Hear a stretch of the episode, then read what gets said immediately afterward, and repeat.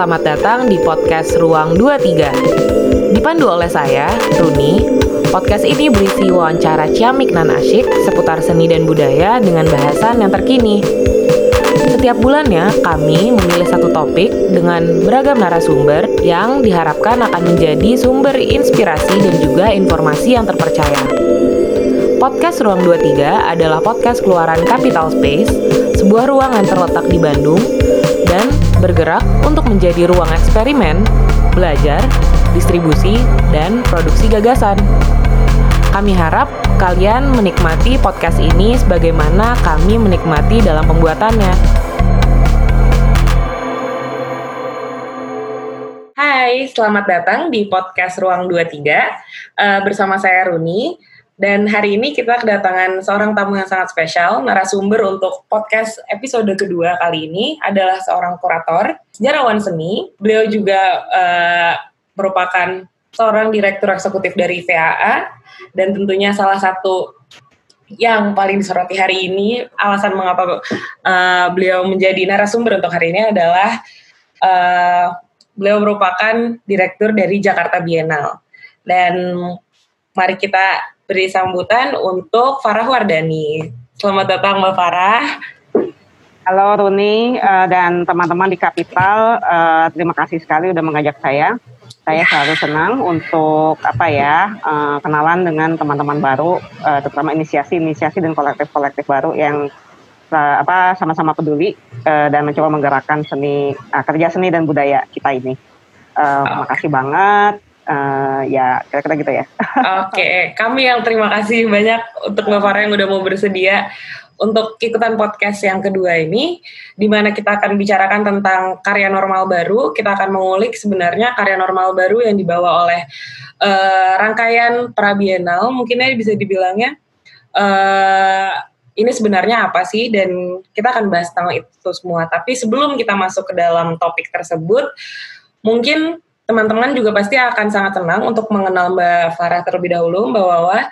Mungkin Mbak Wawa bisa memperkenalkan diri terlebih dahulu, menceritakan lagi sebenarnya kesibukannya lagi mengerjakan apa sih dan selama ini telah menggarap uh, apa saja gitu. Silahkan Mbak Wawa. Uh, Oke, okay.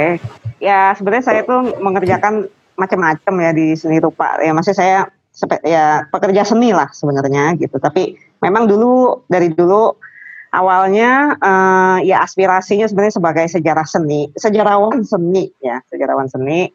Tertariknya ke situ, lalu kemudian menjadi kurator independen, nulis, nirupa, dan sampai akhirnya saya uh, pindah Jogja, pengen tinggal di Jogja, itu sampai akhirnya ya di sana sampai akhirnya 9 tahun di Jogja karena uh, menjalankan IVA Indonesian Visual Archive. Sekarang masih jalan dijalankan oleh teman-teman uh, generasi berikutnya, uh, Lisis dan kawan-kawan. Uh, lalu saya lima tahun, uh, jadi setelah di Jogja saya lima tahun di Singapura, uh, bergabung dengan National Gallery Singapore itu untuk kerja pengarsipan serta penelitian koleksi di museum okay. tersebut.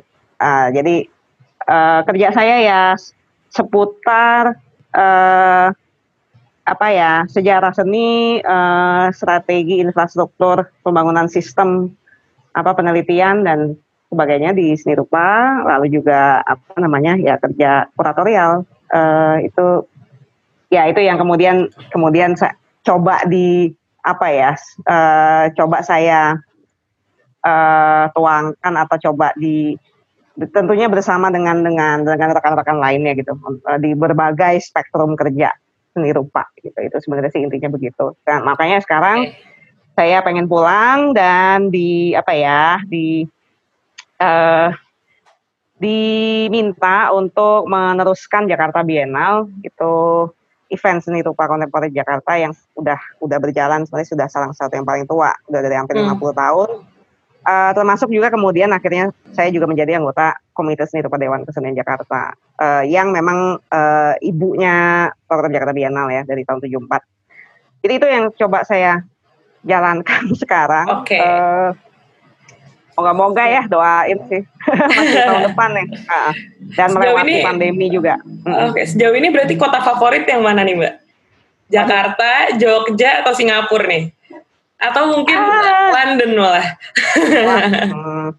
uh, kota favorit ya nggak nggak semuanya saya merasa ini ya semuanya merasa pokoknya kota yang buat saya saya saya tinggal lebih dari dua tahun buat saya itu hmm. itu memberikan sesuatu buat pasti ada kesannya ya. gitu. ya Uh, hmm. uh, tapi ya memang kalau Jakarta, Jakarta ini tempat lahir aku gitu tempat lahir okay. aku.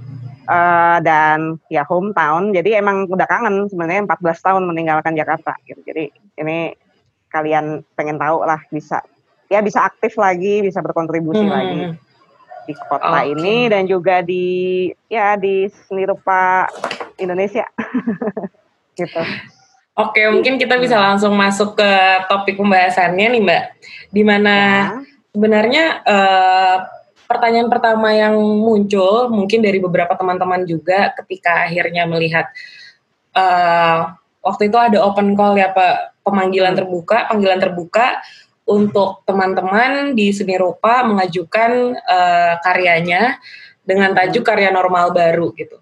Nah, sebelum kita mengulik lebih dalam, sebenarnya karya normal baru itu sendiri dari term itu artinya apa sih Mbak gitu dan harapannya tuh dari karya normal baru apa gitu? Uh, aku cerita backgroundnya dulu ya. Boleh. Jadi Boleh, uh, pada saat itu, jadi sebenarnya gini sih, uh, ketika ketika waktu itu, uh, jadi aku dan teman-teman dan tim tuh udah merancang, harusnya kan Jakarta Biennale tahun ini. Hmm harusnya. Jadi dan kami punya waktu agak kurang dari setahun gitu. Jadi sebenarnya okay. waktu itu sebelum Maret itu tuh udah lagi sedang mempersiapkan Jakarta Biennale. Terus tiba-tiba uh, ya well COVID happens to everybody, hmm. to all of us gitu kan. Uh, dan itu kan me, ya men, berefek ke kita dalam artian ya resources dan kemudian juga macam-macam ya. Jadi akhirnya kami memutuskan untuk uh, menunda dalam artian ya ini di delay dulu. Tapi dalam artian bahwa uh, ya kita kita nggak berhenti beraktivasi gitu. Jadi uh, eventnya memang kemudian uh, di, di, dimundurkan, tetapi bahwa ya kerja kuratorial itu aku aku masih dengan intens kerja dengan Mbak Dolo, direktur artistik uh, dan juga para kurator gitu ya, masih untuk menggagas event yang 2021. Tetapi kan sementara kita menjalani ini dan uh, juga kemudian akhirnya apa ya kita menghadapi situasi ini uh, ya kita tidak mau berhenti tidak mau diam-diam saja gitu kan yeah. ya begitu dan dan memang kemudian akhirnya kalau yang ditawarkan bahwa Jakarta Biennale itu tidak sekedar sebuah ya kita kerja kita atau ya misalnya aku di sini itu posisinya bukan kayak misalkan IO gitu ya bukan hmm. kayak sekedar hanya event organizer makanya nanti yang penting bikin eventnya aja jadi apa enggak gitu itu tidak seperti itu gitu tapi bahwa Jakarta Biennale sendiri ada sebuah semacam sebuah platform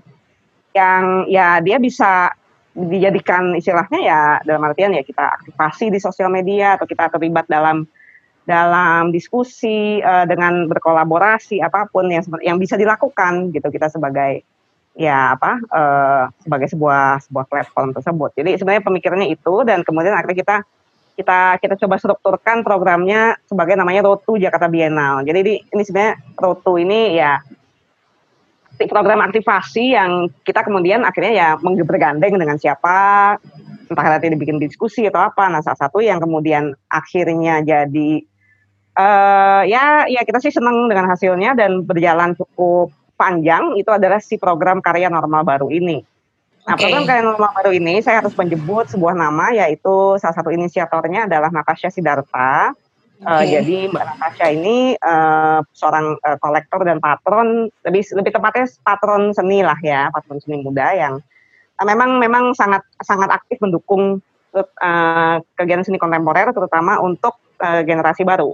Uh, hmm. Nah, waktu itu kita waktu itu aku sama sebenarnya waktu itu aku sama Tasya tuh diundang uh, kayak diskusi-diskusi gitu waktu itu waktu COVID ini baru baru muncul ya baru akhirnya me, ya istilahnya mengguncang semua orang gitu kan. Kita hmm. juga diundang untuk ngobrol apa nih what can we do gitu loh. Uh, dan itu tadi program-program nggak cuma Jakarta Biennale ya tapi juga banyak sekali kan. Uh, dan intinya ya seniman-seniman bagaimana gitu dengan tidak bisa berpameran tidak bisa berkarya gitu kan. Dan dan kemudian uh, ada isu juga tentang uh, bahwa karya pengkaryaan seni rupa itu itu apakah harus di digital semua gitu. Itu pokoknya hmm. uh, di, itu itu masih yang awal-awal seperti itu. Jadi uh, pembicaraan atau diskusinya tiap hari itu seperti itu dan ya intinya tapi kami ingin lah berbuat sesuatu ya. Tetap tetap dalam dalam artian membantu uh, ini kayak semacam membantu seniman atau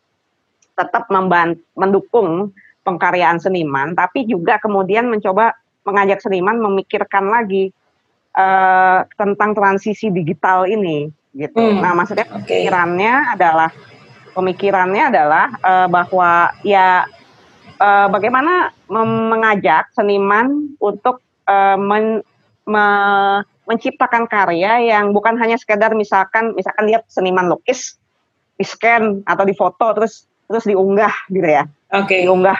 Jadi yeah. tidak hanya sekedar memindahkan uh, mengalih apa media atau mendokumentasikan karya terus diunggah ke internet atau ke ruang virtual, tetapi bahwa memang ruang virtual itu sendiri dan medium digital itu sendiri itu bagaimana potensinya sebagai sebuah medium seni rupa tersendiri gitu. Hmm. Uh, ibaratnya ya kayak itu itu juga uh, bagi misalnya bagi aku dan Tasya itu sesuatu yang kita penasaran gitu kan. Nah, nah maksudnya akhirnya ya jadi Tasya dengan uh, apa yayasannya apa uh, lembaganya namanya Sam Sam Funds for Art and Ecology mengajak Jakarta Biennale untuk bekerja sama. Uh, yuk kita coba untuk jalanin ini. Kebetulan ada ada juga kayak semacam dana gitu ya yang bisa digunakan untuk menjadi semacam kayak grant untuk seniman. Okay. Nah, tapi kemudian untuk supaya ini juga menjadi uh, tidak hanya sebuah program apa uh, peng, apa bukan hanya untuk senimannya tetapi juga sebagai sebuah program kolaborasi dan berjejaring uh, yang lebih besar itu kita mengajak Bienal Jogja hmm. dan Makassar Bienal gitu sebagai ya kan apa uh, bienal jadi ada bienal di kota lain ini kan teman-teman yeah. juga yang kita kenal juga gitu jadi jadi masing-masing kemudian mencoba menyebarkan uh, ke jejaringnya masing-masing di di area masing-masing itu gitu. Jadi ini ya intinya sebenarnya ini kayak uh, pro ya program uh, maksud itu uh, inisiatif uh, inisiatif benar-benar independen dan agak dan organik gitu tetapi ya istilahnya tinggal tinggal telepon-telepon teman-teman tetapi ya kita kita kita kita kemudian juga juga bahwa dampaknya bisa bisa cukup besar gitu ya. Jadi sampai akhirnya juga bisa menjaring minat dari seniman-seniman muda gitu yang baru. Dan juga uh, apa mencakup wilayah ya. Misalnya takutnya Jakarta Jakarta aja atau atau yang itu itu aja gitu. Itu itu uh, itu yang kemudian terjadi. Maksudnya hmm, yeah. dan itu yang membuat kita senang juga gitu ya Uh, tapi memang kalau dari wilayah pengkaryaan sendiri uh, kita sih senang banget, kita senang banget. Cuma memang memang ini sebenarnya semacam ini pertama ini bukan uh, bukan program pameran gitu ya. Dalam artian ini kan sifatnya dia call for proposal. Hmm. Jadi uh, jadi memang uh, yang didukung itu adalah eksperimentasi si seniman ini. Ya okay. memang ada misalkan hasilnya ada yang hit and miss gitu ya. Maksudnya Uh, jadi seniman sendiri pun kemudian bereksperimentasi dan kita sendiri, aku sendiri juga belajar hmm. uh, apa belajar banyak gitu karena medium apa ruang virtual dan digital yang baru ini itu karena kita membebaskan juga kita kita tidak membuat jadi ini kayak uh, tidak membuat ini kan tidak membuat kayak online galeri atau online yeah. exhibition benar-benar seniman itu bebas menggunakan platform uh, platform virtual apa pun jadi ada yang di TikTok Hmm. Ada yang di Instagram, ada yang ya web based jelas. Jadi macam-macam sekali gitu. Jadi bagaimana si si si ruang baru ini yang apalagi dengan keadaan sekarang itu tuh memang buat kita penting untuk dieksplorasi oleh oleh seniman generasi baru gitu. Yang tentunya mereka juga seperti yang terbukti mereka lebih tahu bahasanya daripada misalkan aku yang tua ini gitu ya. praktek ini gitu kan. Oke, okay, anyway, mungkin ya kira-kira uh, begitu. Hmm. Oke. Okay. Dari pasti yang daftar banyak banget ya, Mbak. Ratus lumayan. Ratusan oh, pasti lebih, tercapai kan. ya walaupun bukan ya bukan kayak nggak nyampe misalnya nggak nyampe 400 gitu enggak ya karena, okay. karena cukup spesifik yeah, ini yeah. cukup spesifik kan tetapi itu sudah dan, dan hanya dan waktunya juga cukup cepat mm. uh, jadi dalam waktu yang singkat itu ternyata uh, peminatnya sih melebihi dari apa yang kita harapkan uh, ya proses seleksinya juga kemudian juga harus dilakukan cukup cepat tapi ya dengan dekat kolaborasi ini juga jadi lebih lebih gampang juga gitu. Oke, berarti dari kisaran ratusan ini yang akhirnya hmm. dipilih dari masing-masing kota kalau nggak salah ada 10 ya Mbak atau Ya, 10 10 10, 10. jadi 30 ya, 30 total. total ya. Nah, iya. nah dari masing -masing 30 dapat, hmm. nah, masing-masing dapat 10 juta untuk grantnya. Oke. Okay. Gitu. Jadi itu bisa membiayai misalkan platform mm. websitenya atau apa pun yang dibutuhkan dia tapi juga kemudian ya ya terserah dia untuk mengatur dalam dalam grant itu ya dia juga kemudian bisa mengambil untuk semacam kayak apa uh, apresiasinya juga gitu itu ya intinya okay. grantnya seperti itu tidak banyak tapi uh, semuanya sih pada senang ya maksudnya semuanya senang senang aja oke okay. gitu. berarti uh. dari jumlah 30 uh, hmm partisipan berarti ya dalam si hmm. yang yang akhirnya diterima proposalnya gitu. Nah, hmm. dari pertanyaan-pertanyaan yang mungkin aku sempat cari-cari juga nih dari hmm. uh, kolaborasi ketiga Bienal ini untuk Road to Jakarta Bienal sebenarnya kan emang berusaha menantang uh, seniman untuk akhirnya mengeksplorasi ruang virtual, apakah itu bisa ya. mengakomodir karya dan juga ya. apakah uh, bisa uh, di sini ada kata-kata bagaimana kita bisa mendefinisikan ruang maya dalam koridor makna politisnya yang baru gitu dan lain sebagainya. Hmm. Nah, eh, akhirnya melalui 30 seniman yang terpilih ini bagaimana hmm. kalau bisa ditanya ke bawah pendefinisian karya normal baru berarti melalui 30 karya yang terpilih ini menurut Mbak Wawa apa nih? Karya normal baru itu berarti. Apakah ya, ada, jadi ada pendefinisian baru atau memang akhirnya oke okay, ini uh, kembali lagi ternyata ke awal pemindahan medium aja gitu jadi internet based menjadi oh. ini segala hmm. macam lah kayak gitu gitu mungkin bisa okay. dibantu jela, uh, jelaskan gitu mbak kalau namanya program karya normal baru agak aku ini nih sebenarnya agak harus dijelaskan dulu ya Oke. Okay. Jadi uh, waktu itu kita pengen nyebut ini apa gitu ya. Mm. Dan emang waktu itu masih seger-seger banget lah, seger-seger banget si COVID ini ya. Iya. Yeah. Pandemi ini baru baru benar-benar melanda gitu. Dan dan memang waktu itu lagi ngobrolin ya apa uh, banyak banyak tulisan-tulisan dan mulai mulai sering terdengar si kata new normal ini gitu Iya, udah mulai pada pakai new normal segala macam gitu. Ya. Normal. Ya. Uh, jadi jadi kita oh gini aja. Jadi kan tadi apakah cipta karya baru atau apa karya baru? Oh kok gitu ini aja karya normal baru Oke. Okay. Gitu. uh, memang sesimpel itu gitu ya, sesimpel okay, okay. itu dan, dan memang kemudian jadi orang jadi gampang inget uh. inget atau pertanyakan gitu. Sebenarnya kita nggak hmm. apa-apa dengan itu, nggak masalah juga. Tapi bahwa uh, itu itu judul aja dalam artian mungkin sebenarnya sebenarnya sih lebih untuk kayak penanda penanda zamannya aja gitu ya. Hmm. Jadi ini karya yang ini ini program atau semacam eksperimentasi karya yang hadir pada saat si uh, orang sedang ribut soal normal baru gitu aja sih sebenarnya hmm. itu. Tapi bahwa ini didefinisikan sebagai karya normal baru sebenarnya nggak gitu. Oke. Okay. Cuma emang kita akhirnya ya pak, udah terlanjur pakai itu.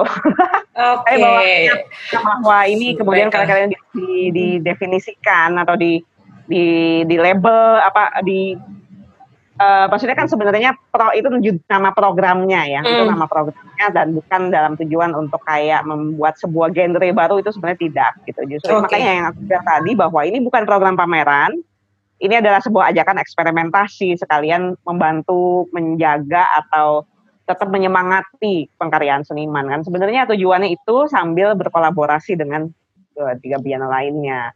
Untuk okay. untuk sebenarnya kan itu tadi ya yang paling penting adalah bahwa kita mencoba untuk men, me, apa ya mendorong tetap mendorong inovasi atau eksperimentasi yang relevan uh, di masa krisis ini gitu kan. Sebenarnya niatnya se niatnya benar-benar itu aja gitu. Jadi okay. bukan untuk kayak mendef mendefine atau me, sama-sama sebenarnya sama-sama sedang bertanya juga. Makanya aku aku juga kayak aku tadi bilang aku belajar banyak dari hasil-hasil ini gitu ya hasil-hasil hmm. karya seniman ini dan artian memang kemudian ya itu tadi kami karena kami tidak bersikap sebagai kayak kurator atau apa gitu kan kita kan dan artian kami inisiator ya inisiator yeah, yeah. yang kita uh, kita dan dan itu tadi kalau kalau uh, kita, yang pada saat pelaksanaan karyanya itu ada sedikit supervisi tetapi tidak tidak tidak dalam artian kayak itu ada intervensi dari kita sangat okay. banyak nah, itu tidak ada gitu ya memang Berarti ini memang adalah, sangat berbeda gitu. dengan pameran ya mbak ya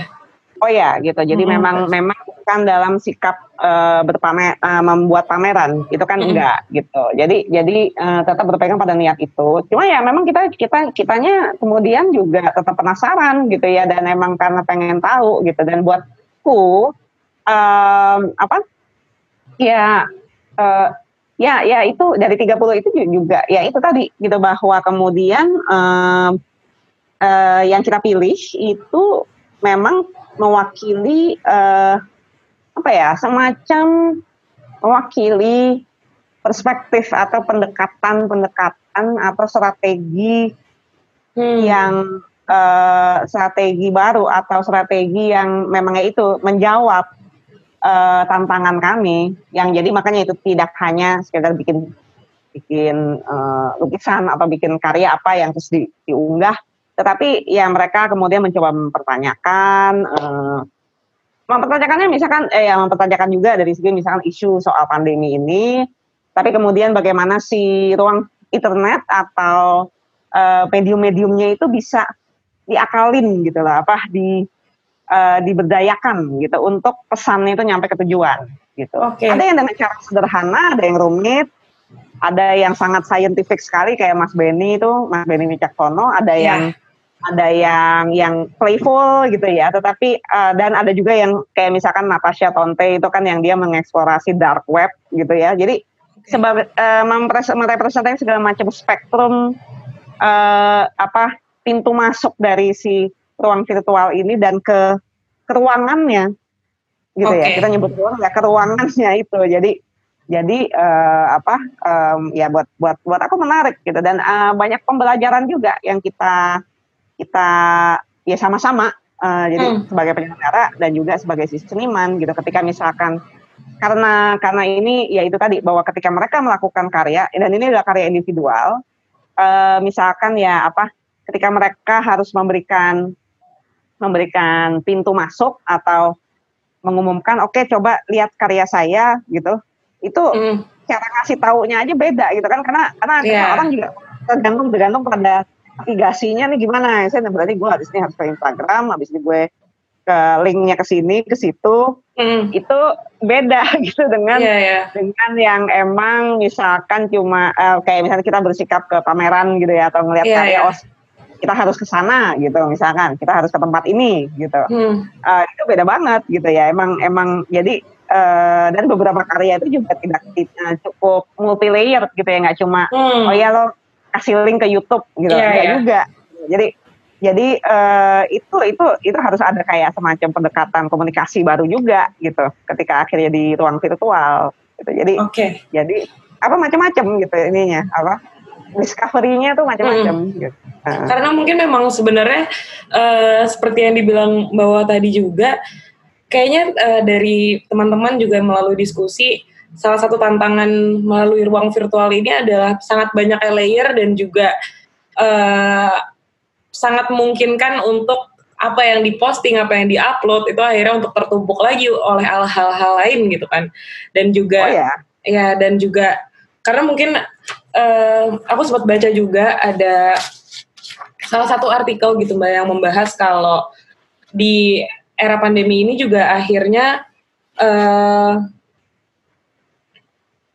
ada semacam lack of curation curation in the internet jadinya ada sea of uh, memes and amateur artistic indulgence yang menumpuk semua karya seni dan lain sebagainya gitu. Itu sempat di saya mengutip dari salah satu artikel ada yang membahas gitu. Nah, tapi sebenarnya aku ingin mbak bertanya juga nih mbak, tapi ini hmm. mungkin pertanyaan penasaran gitu. Hmm. Uh, dari ketiga kolaborasi ketiga bienal ini kenapa akhirnya uh, awalnya sebenarnya bayangan dari beberapa teman-teman itu akan ada satu website yang mengakomodir semua karyanya gitu. Tapi kenapa akhirnya diputuskan untuk oke okay, ini benar-benar di uh, ini kan ke senimannya gitu. Hmm, kita nggak pernah kita nggak pernah bilang uh, ya, kita dari awal tidak hmm. pernah uh, mengumumkan atau memang ngomong bahwa uh, akan ada satu platform yang okay. provide. Uh, hmm. Jadi benar-benar ini grant gitu, program grant langsung ke seniman dan seniman kemudian membuat karyanya dengan ya dia harus memikirkan okay. untuk bagaimana karya itu berdiri sendiri di di ruang virtual. Cuma memang kemudian kita hmm. melakukan ya kayak misalkan di masing-masing website Jakarta Biana ngumumin lah yang yeah, ngasih link yeah. atau petunjuk gitu ya. Tetapi hmm. kita tidak makanya uh, dari awal ini sama sekali tidak ada. Dan ketika okay. kita ngumpulin si si para perupa ini uh, kita juga bilang gitu bahwa uh, ya kami tidak memberikan uh, uh, apa kayak platform uh, kayak center gitu ya, central mm. platform atau apa gitu itu tidak ada. Jadi memang ini adalah program grant niatnya seperti yang tadi saya bilang uh, dan itu uh, silakan bagaimana kalian dan itu buatku juga sebenarnya dari kita ya bagaimana ya bagaimana si senimannya kemudian mempelajari bagaimana dia apa namanya hmm. ya mempresentasikan dan me ber, ber ya intinya mempelajari bagaimana nature-nya dari eksistensi si karya tersebut secara individual di di jagat maya gitu kayak seperti okay. itu. Cuma memang kemudian uh, jadi sebenarnya ya sebenarnya ada alasan juga emang hmm. gak ada duitnya kalau dari kita ini udah jadi ini okay. udah yang terbaik yang bisa kita lakukan. Emang resource-nya juga udah terbatas. Oh, jawaban gitu kan, dikunci ya. berarti Mbak. ya, memang sebenarnya ada juga itu. Tapi ya maksudnya dalam artian bahwa ya kita memang tidak bersikap sebagai okay. dari awal tidak tidak berencana untuk membuat sebuah online exhibition. Mm, mm. Gitu. Ini adalah grant untuk seniman tetap berkarya, gitulah ya. Tapi memang kemudian Mm-hmm. Untuk mencari cara kita mencari ya istilahnya banyak uh, ya kan nanti punya WhatsApp group, karena mm-hmm. ngobrol-ngobrol juga 30 nih. Jadi kita kita ya saling tektokan terus dan kemudian ya kita mencoba mengaktifasi juga dengan cara yang tersendiri juga ya. Kayak okay. kemarin ya sepanjang September Oktober itu kan IG live terus tuh. Mm-hmm. Uh, jadi jadi masing-masing cari pasing, pasangannya sendiri yang dari Biena lain gitu terus mereka bikin artis talk Nah itu kemudian ya ya silakan mereka mempromosikan atau kemudian membicarakan mendiskusi soal karya-karyanya gitu. Dan itu berjalan terus sampai udah kayaknya dua minggu lalu ya terakhir ya atau seminggu lalu. Itu yang baru baru awal Oktober ini udah udah habis gitu. Jadi itu sekalian ya inilah closure.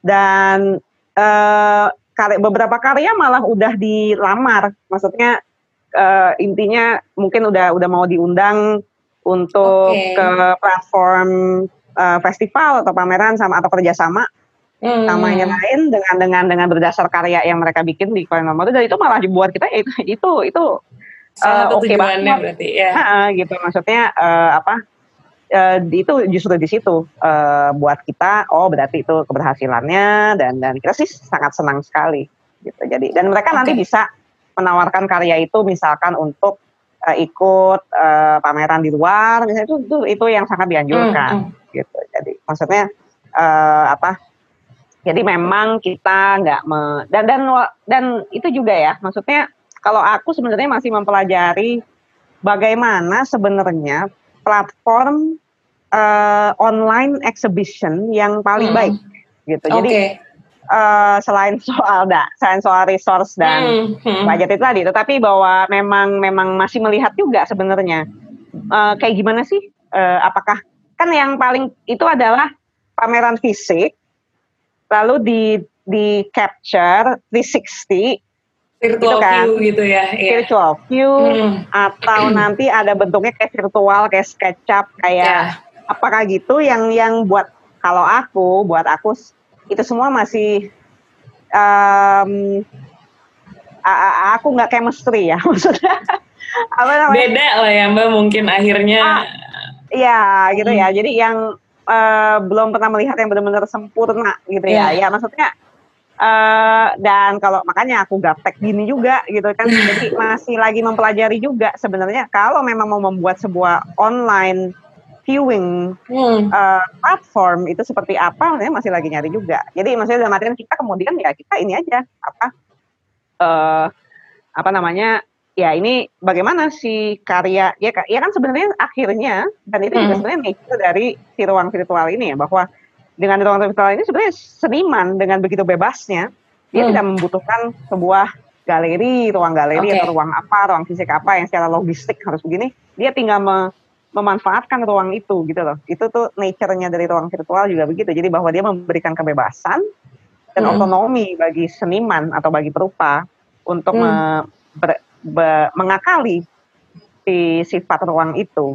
Okay. Ya memang memang in, jadi jadi kalau aku sendiri uh, sangat banyak menemukan hal-hal baru dari si Karinoma baru ini dari belajar dari si seniman-seniman muda ini gitu ya. Okay. Uh, eh, apa dan itu seru dan uh, memang dalam artian juga kalau aku tetap um, berharap bahwa ini akan COVID ini akan berlalu dan dalam artian saya tetap saya tetap me, in, merindukan dan dan tetap merasa bahwa ya memang uh, hakikatnya ya seni misal pameran atau sebuah pengkaryaan itu tetap hmm. live gitu kan. Iya. Yeah. itu tuh harus tetap di di diusahakan dan didukung. Tetapi bahwa perupa atau seniman enggak enggak cuma seniman seni rupa juga bahwa uh, harus juga mulai mengembrace atau me, menerima dan mencoba untuk melihat uh, bagaimana ruang baru atau ruang internet ini, ruang virtual ini itu bisa diapain gitu. Sebagai hmm. sebuah medium baru itu uh, itu dan dan ya kita yakin ini akan berkembang banget ke depan, apalagi dengan situasi ini gitu. Okay. Jadi uh, intinya ya ya banyak yang menarik uh, dan dan apa? Uh, aku rasa sih kalau dari seniman-seniman yang ikut, sebenarnya mereka senang banyak yang memang senang-senang aja.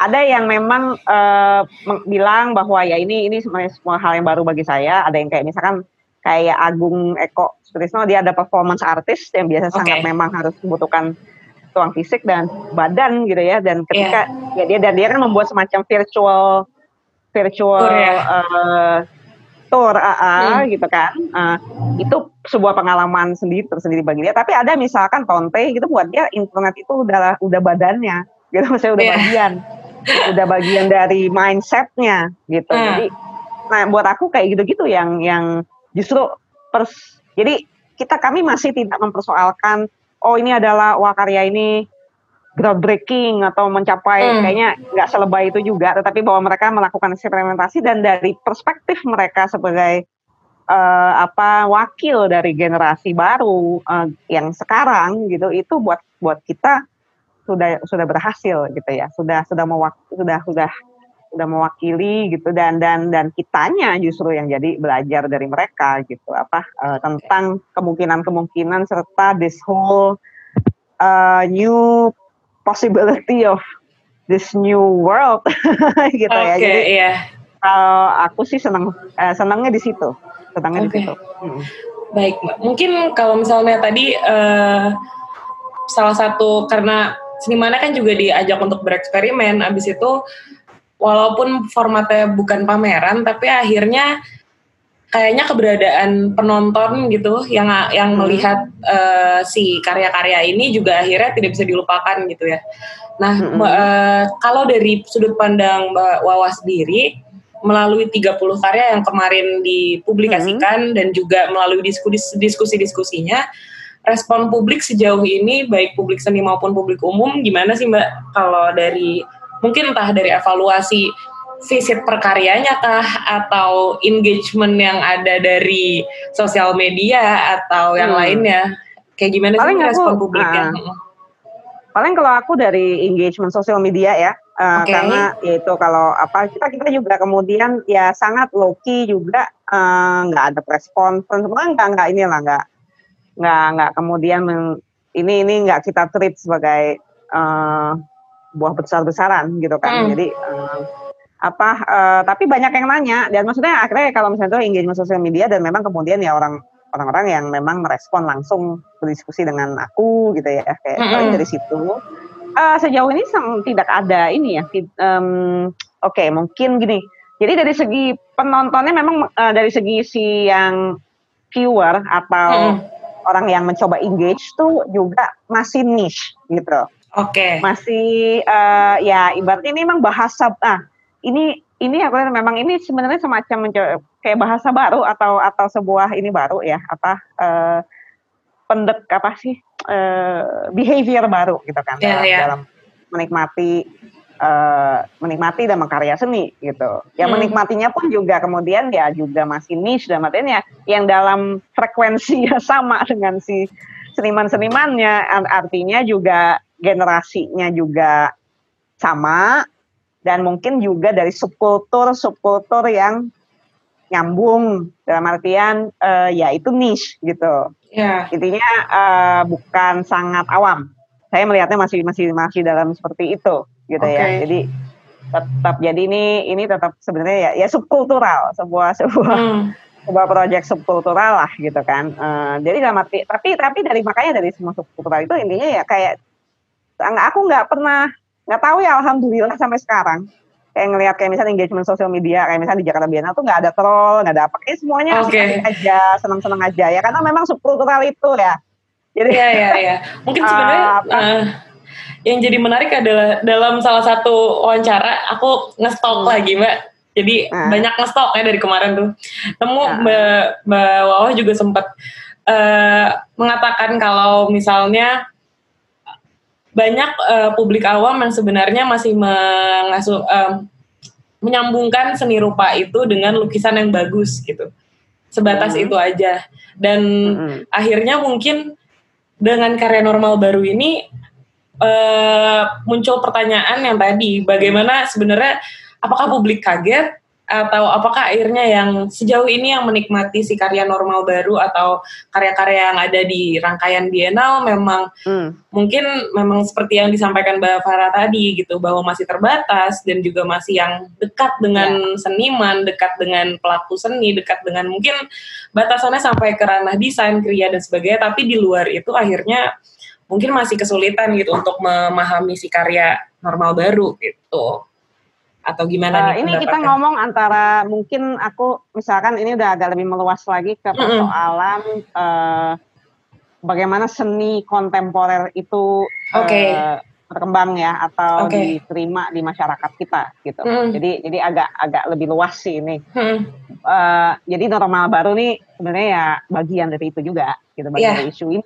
Yang sebenarnya aku ya justru itu gitu ya. Um, aku uh, makanya aku tadi bilang bahwa kayak ya uh, saya bekerja di wilayah di berbagai wilayah kerja hmm. di ya karena space ininya seni rupa tapi juga kemudian bing, apa frame-nya seni kontemporer secara hmm. luas gitu kan dan kemudian seni kontemporer ini sih sebenarnya udah beyond seni rupa ya jadi okay. kalau kita ngomong seni rupa kita ngomong seni rupa kalau buat saya nih gitu kan, hmm. kan uh, dan ini sebenarnya juga juga sesuatu yang akhirnya saya pelajari atau saya udah kayak akhirnya penyadaran saya hmm.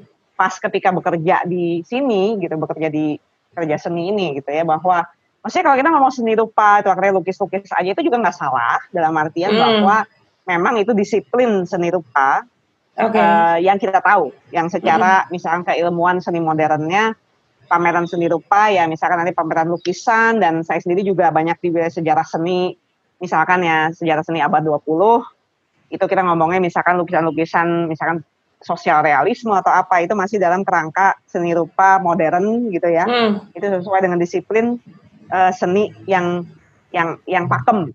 Oke. Okay. Dan itu itulah seni rupa gitu ya. Aku juga masih be be bekerja di wilayah itu. Tetapi ketika kita bicara seni kontemporer gitu ya hmm. bahwa seni kontemporer ini sebenarnya dan ini mungkin yang masih harus tantangannya memang di sini orang masih masih pertama bahasa atau strategi visual semi kontemporer ini sendiri kan kemudian dia mencoba menyuguhkan apa ya dia bicara tentang isu-isu tentang hmm. sesuatu yang yang yang katakanlah uh, ya either itu wacana atau sesuatu yang dianggap penting bagi katakanlah uh, kemanusiaan atau atau atau apa pun gitu ya atau uh, atau apa namanya um, ya ya isu-isu sosial misalkan gitu kan.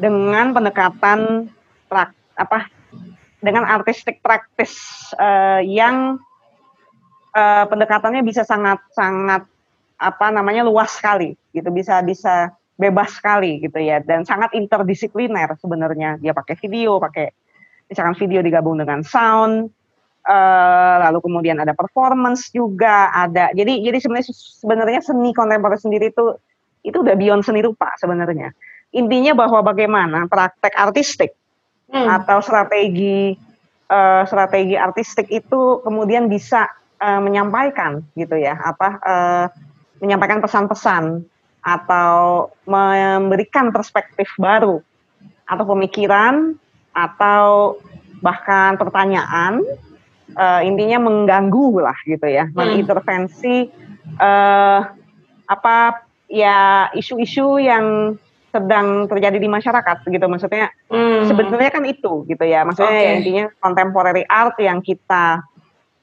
kita dukung lah gitu ya okay. intinya gitu. Nah, nah bahasa atau pendekatan ini memang tidak mainstream, belum mainstream hmm. atau ya di sini uh, ah, jadi jadi sebenarnya kalau buat aku dibilang dibilang sedikit juga enggak hmm. banyak buat hmm. aku banyak generasi apalagi anak muda generasi hmm. baru yang mereka tidak hanya pengen uh, dalam artian mereka concern hmm. mereka peduli hmm. seperti Runi lah gitu.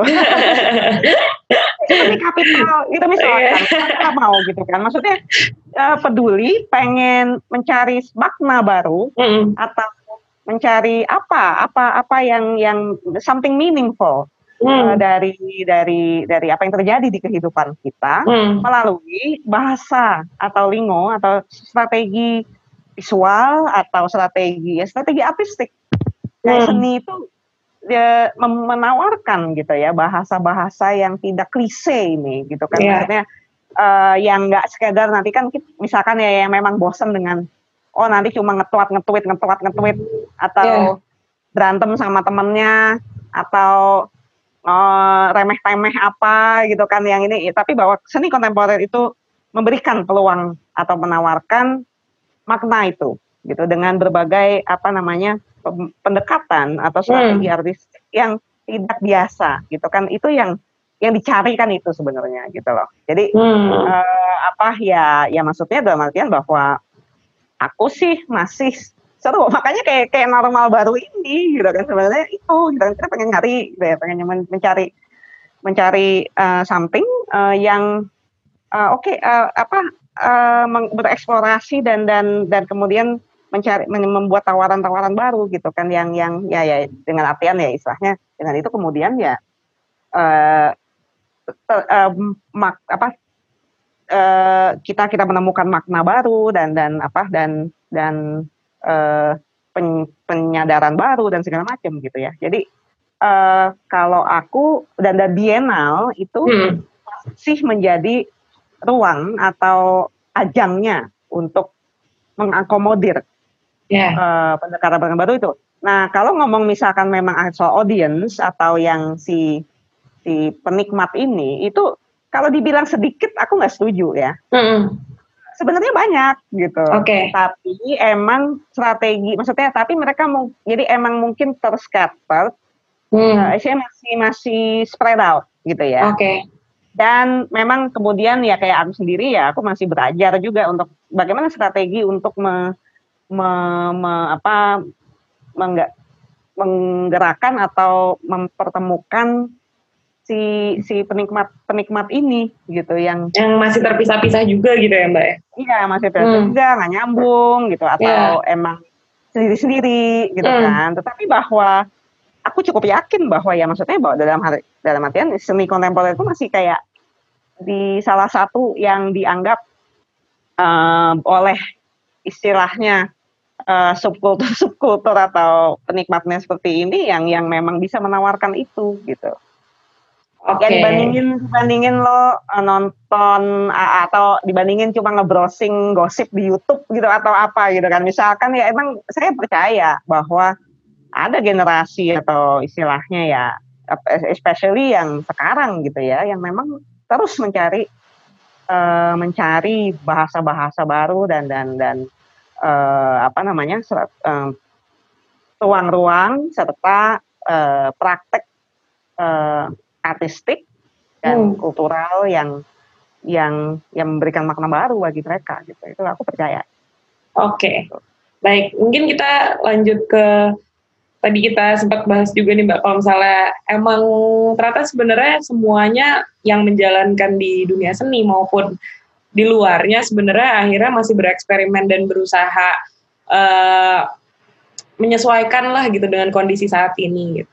Tapi kalau dari ya. mm -mm, dengan kondisi pandemi yang ternyata nggak kerasa udah enam bulan Maret, April, Mei. Iya, jangan-jangan malah kita terbiasa nih dengan ini, iya. malah nyaman-nyaman aja kayaknya ya. Jangan-jangan gak ada yang baru nih Runi.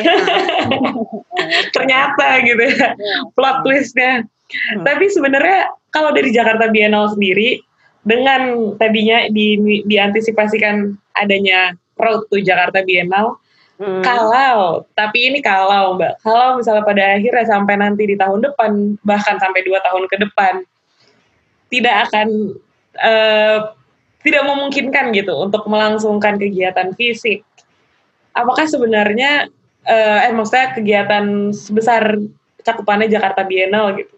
Apakah hmm. udah ada strategi khusus yang mungkin bisa dibocorkan sedikit-sedikit tipis-tipis lah untuk ya kita masih nyari ya. Cuma ya. maksudnya gini, ruang pu sebenarnya kan kalau kalau kita ngomong protokol hmm. itu kan terutama di ruang tertutup ya. Ruang okay. tertutup dan berkumpul maksudnya ya, ya untuk untuk orang masuk dan berkumpul dan suatu sebuah enclosed space gitu. Hmm. Tetapi ruang publik itu masih ruang publik fisik pun masih tersedia. Yeah. Kota ini pun si hmm. Jakarta ini pun tetap bisa menjadi sebuah apa ruang ruang ini ruang pajang. Oke. Okay. Jadi dia menyedia itu masih ada gitu dan itu kan tidak istilahnya langsung di dalam ruang dan public art itu masih menarik buat saya juga Oke, okay, berarti mungkin aku tidak uh, boleh lanjut. artian tidak menghalangi. Ya aku nggak hmm. bilang kayak hmm. kayak bakal kayak gimana karena kita juga okay. nyari gitu. Tapi bahwa itu tidak menghalangi. Hmm. Uh, artian uh, tidak buat aku sang masih sangat banyak peluang untuk menemukan strategi strategi hmm. lain yang tidak terhalang oleh protokol misalkan gitu. Jadi jadi enggak um, hmm. sangat banyak sangat banyak kemungkinan.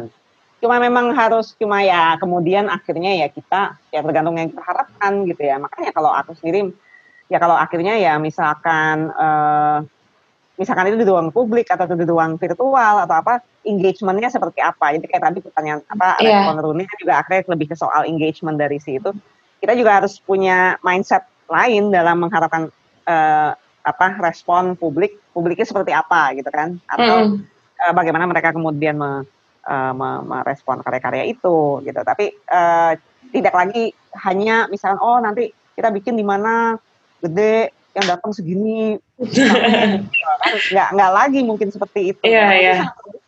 Aku sih sangat terbuka dan mungkin justru justru itu uh, akan memberikan lebih banyak peluang untuk si tadi itu tadi hmm. bagaimana me, me, apa mengajak atau menjaring audiens baru yang tadinya terpisah-pisah atau oke okay. yeah. itu mungkin justru gitu yeah. jadi kayak kita aja kan sekarang uh, malah aku menariknya gitu ya sepanjang pandemi ya zoom webinar ini itu ini itu non stop ya mbak ya ya bukan itunya sih tapi buat aku bahwa jadi ketemu misalkan hmm. dengan yang di Sulawesi hmm. dengan di Bali di mana yang dulu uh, misalkan sebelum ini ya kita talk apa ya yang datang yang di kota-kota itu juga yang kenal-kenal juga. Yeah. ini malah justru jadi kenal. Ah, itu fenomena buat aku. Jadi okay, okay. Uh, apa? Uh, jadi jadi ada ada ada peluang-peluang lain juga yang kemudian misalkan juga ya mungkin tidak sekarang ini mungkin uh, bukan di wilayah pengkaryaannya dulu tapi lebih di produksi pengetahuan dan dan berjejaring itu banyak kesempatan justru. Gitu ya kayak sekarang aja semudah ini aku sama Runi bisa ngobrol gitu kan jadi iya. itu kan gara-gara pandemi gitu dan teknologi jelas iya iya jadi aku itu tidak menghalangi, tapi memang aku nggak bilang itu gampang. Hmm. Jadi ya tetap butuh betul doa restu intinya tetap butuh dukungan. Jadi ya ya kita lihat aja gitu ya. Oke. Okay. Berarti mungkin di ruang publik nih Mbak ada salah satu listnya. Iya, kalau aku sebenarnya ruang apa aja deh. Tapi ya maksudnya bahwa kita sedang sedang mencoba membuka diri, hmm. membuka ya, membuka mindset terhadap kemungkinan-kemungkinan itu. Tapi aku sih agak lumayan optimis bahwa tahun depan mungkin sudah sudah agak lebih mereda lah ya gitu. Mereda gitu hmm. ya. Um, ini ini travel misalkan dari travel aja ya Singapura dengar-dengar udah mulai membuka travelnya lagi gitu gitu. Ya mau nggak mau gitu kan. Mungkin juga ada mungkin sudah ada beberapa penanganan. Jadi uh, mau ke Bogor di tahun depan ya sebenarnya sudah sudah lebih ya sudah lebih reda gitu ya. Dan maksudnya bahwa um, aku te kita tetap cukup optimis uh, tetap akan ada pameran fisik. Walaupun mungkin skalanya kali. Hmm. skalanya yang agak dilihat gitu ya. Yeah. lagi-lagi ya itu mungkin juga kita akhirnya kan nggak ya mungkin nggak berpegang lagi kayak oh ini harus uh, ribuan orang masuk kan enggak hmm. gitu gitu gitu oke okay. nah mungkin kita balik lagi mbak ke kalau balik lagi ke pembahasan tentang seniman-seniman yang ada di Jakarta uh, Road to Jakarta Biennale uh, tadi sudah sempat kebahas masalah exposure mungkin dari bagaimana mereka juga mempublikasikan karyanya dan juga dibantu hmm. oleh kanal-kanal media sosial uh, Biennale. Hmm. Habis hmm. itu juga uh, kita sudah membahas tentang relevansinya dengan publik, interaksi dengan publik, lalu juga yang pastinya eksperimentasi karya.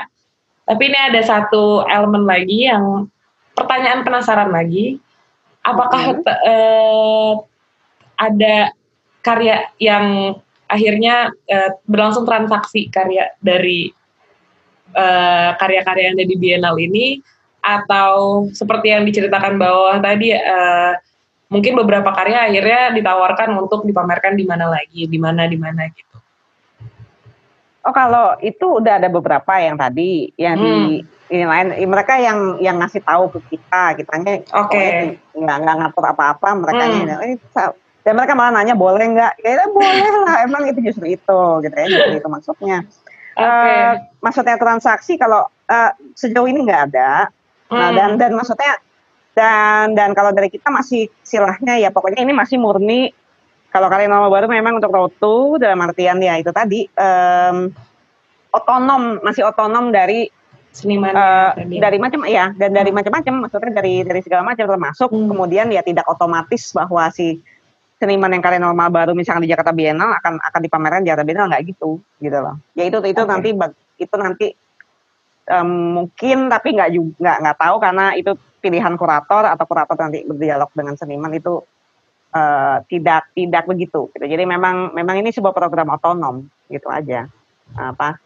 Ya seniman kemudian sangat bebas uh, untuk uh, mengembangkan karya itu nawar misalkan nanti dia dapat tawaran atau mungkin malah uh, dia berkolaborasi lagi itu silakan sangat sangat bebas sekali gitu ya.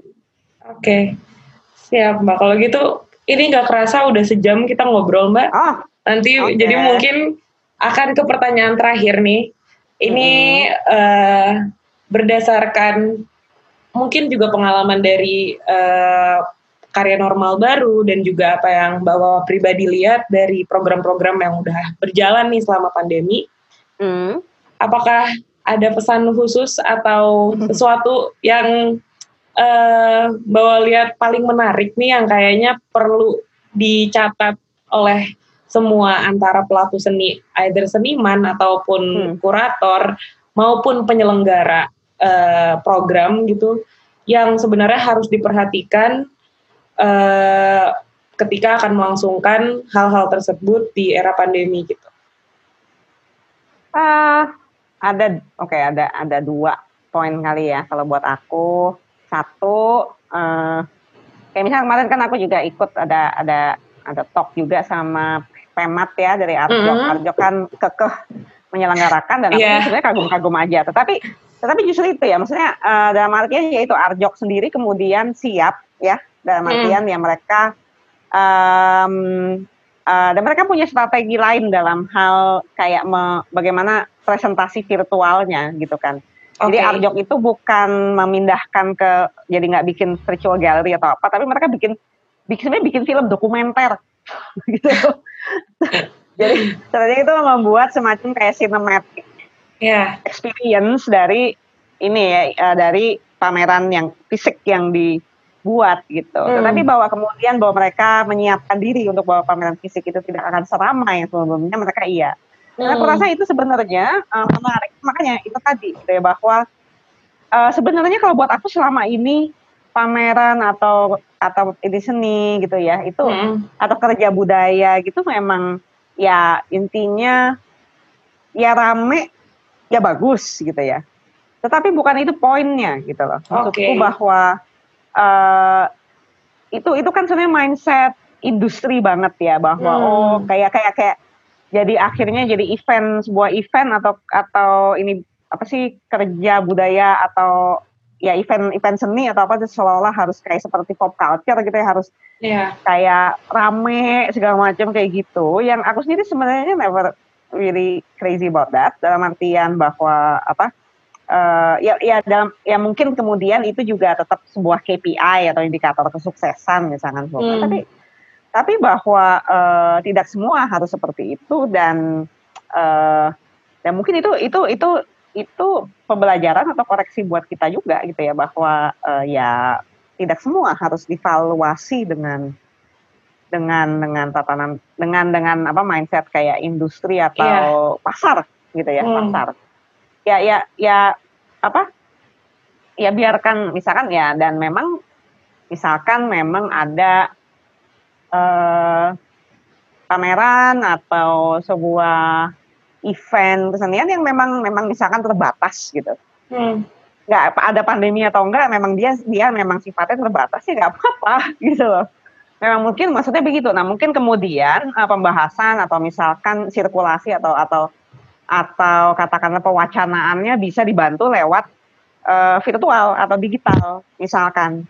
Oke. Okay. Gitu. Itu nah itu itu itu kemudian aku aku aku lagi juga kemudian memikirkan kayak gitu sih maksudnya bahwa uh, ya itu itu kan ya sama aja dengan kita sekarang gitu ya. Maksudnya kalau dulu kita kayaknya apa tuh harus sibuk, harus uh, harus nongkrong, harus semuanya tuh kayaknya serba terburu-buru, serba dipaksa gini-gini. Gara-gara pandemi jadi harus work from home dan ya udah slow down dulu aja, nggak apa-apa. Ya mungkin juga sama, semua hal juga begitu dan dalam artian misalkan ini atau apa. Jadi jadi kayak apa namanya behavior eh, lagi-lagi ya behavior itu misalkan itu kemudian memang harus terkoreksi atau apa uh, buat aku itu itu bukan sesuatu yang harus ditakuti gitu. Oke. Okay. Uh, eh, apa uh, ya mungkin itu kemudian uh, menjadi semacam semacam cara baru untuk mengapresiasi seni atau apa gitu ya. Ya ya nggak tahu juga. Aku juga masih makanya itu yang harus kita temukan bersama. Itu satu. Yang kedua lagi-lagi soal tadi bahwa apa namanya uh, eh ini menarik nih ya ternyata dengan kita akhirnya harus uh, menggunakan digital dan terkoneksi dengan berbagai lini gitu kan uh, di pelosok uh, tempat lain atau apa ya ya kalau aku sih ya maksudnya buat para pekerja seni rupa harusnya ini juga dimanfaatkan sebaik-baiknya dan untuk untuk berhubungan gitu ya. Sebagai ajang kolaborasi ya, juga berarti ya Mbak. Kolaborasi juga hmm. gitu. Makanya kayak misalkan ya itu tadi kayak kalau kalau uh, Jakarta Biennale, Makassar, Jogja Biennale udah pada kenal. Tapi ya hmm. terbuka juga misalkan dengan dengan dengan inisiatif lain yang misalkan di Kalimantan nggak tahu ada apa gitu kan itu Indonesia Timur gitu itu yeah. Iya. uh, ya kesempatan banget sih kalau buat aku gitu ya ya ya itu yang uh, dan dan makanya dan ketika misalkan kita sudah melewati ini itu uh, itu tercipta kemungkinan-kemungkinan atau tercipta hubungan-hubungan serta penemuan baru mungkin gitu. Itu kan seru banget. Ya, aku sih begitu. Setuju, Mbak. Emang semuanya semuanya harus positif lah sekarang. Maksudnya saya iya, iya. banyak. Tapi jangan jangan stres. ya gitu. Tapi ya makanya cari kemungkinan gitu ya. Oke, kalau gitu makasih banyak bahwa untuk kesempatan uh, ketersediaannya untuk ya. datang ke podcast hari ini. Uh, mungkin juga. aku akan kasih penutup sedikit. Uh, yes. Saya Runi bersama dengan Mbak. Silakan mungkin Mbak Wawa mau memper, oh. mau ini. Kita ulang lagi kali ya oh. Mbak. Kita ulang lagi. Ya. Oke oke oke. Mungkin untuk bagian penutupnya, uh, terima kasih banyak yang sudah mendengarkan. Saya Runi bersama para Wardani. Oke. Okay. Terima kasih sekali Kapital udah ngajak saya seru banget obrolannya dengan dengan pertanyaan-pertanyaan yang baru nih yang sangat cerdas. Eh, waduh, aku jadi malu jadinya ini. Oke, kalau gitu makasih banyak yang sudah mendengarkan. Sampai bertemu di podcast Ruang 23 selanjutnya.